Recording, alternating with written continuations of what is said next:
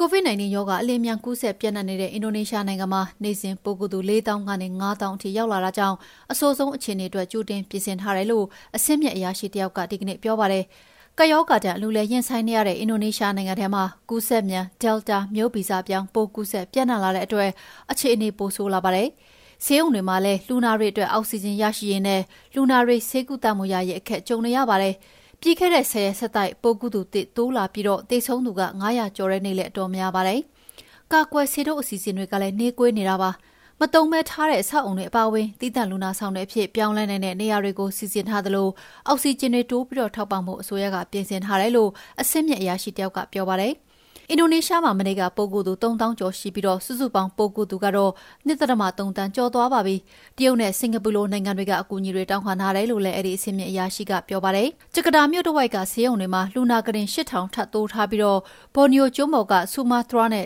ကာလီမန်တန်ဒေသအခြေအနေကိုပါအနီးကပ်စောင့်ကြည့်နေတယ်လို့အင်ဒိုနီးရှားကျန်းမာရေးဝန်ကြီးဘူဒီဂနာဒီဆာဒီကင်ကပြောပါတယ်ဒီအချိန်မှာပဲဂျပန်နိုင်ငံကအိမ်နီးချင်းအာရှနိုင်ငံတွေအတွက် AstraZeneca ကိုဗစ်ကာကွယ်ဆေးတန်းချီဒီတစ်ပတ်အတွင်းထပ်ပြီးတော့ပေးပို့လူဒန်းသွားမယ်လို့ပြောပါတယ် တိုင်ဝမ်အတွက်ကကော်စီတသန်းကျော်ပေးပို့သွားမယ့်အကြောင်းဂျပန်နိုင်ငံခြားရေးဝန်ကြီးတိုရှီမစ်ဇူမိုတေဂီကပုံမှန်သတင်းစာရှင်းလင်းပွဲမှာပြောဆိုသွားပါတယ်။ပြည်ကတဲ့လမှာတော့ကာကွယ်ဆေးတစ်ဒရမနှစ်တန်းပေးပို့ထားပြီးပါပြီ။အင်ဒိုနီးရှားနဲ့မလေးရှားနိုင်ငံတို့အတွက်ကာကွယ်ဆေးတွေကိုကနဦးပေးပို့လူဒန်းထားပြီးဖြစ်တယ်လို့ထိုင်းဖိလစ်ပိုင်နဲ့ဗီယက်နမ်နိုင်ငံတွေအတွက်ကာကွယ်ဆေးတသန်းစီထပ်ပြီးတော့ပေးပို့လူဒန်းသွားမယ်လို့လည်းဝန်ကြီးမိုတေဂီကပြောပါတယ်။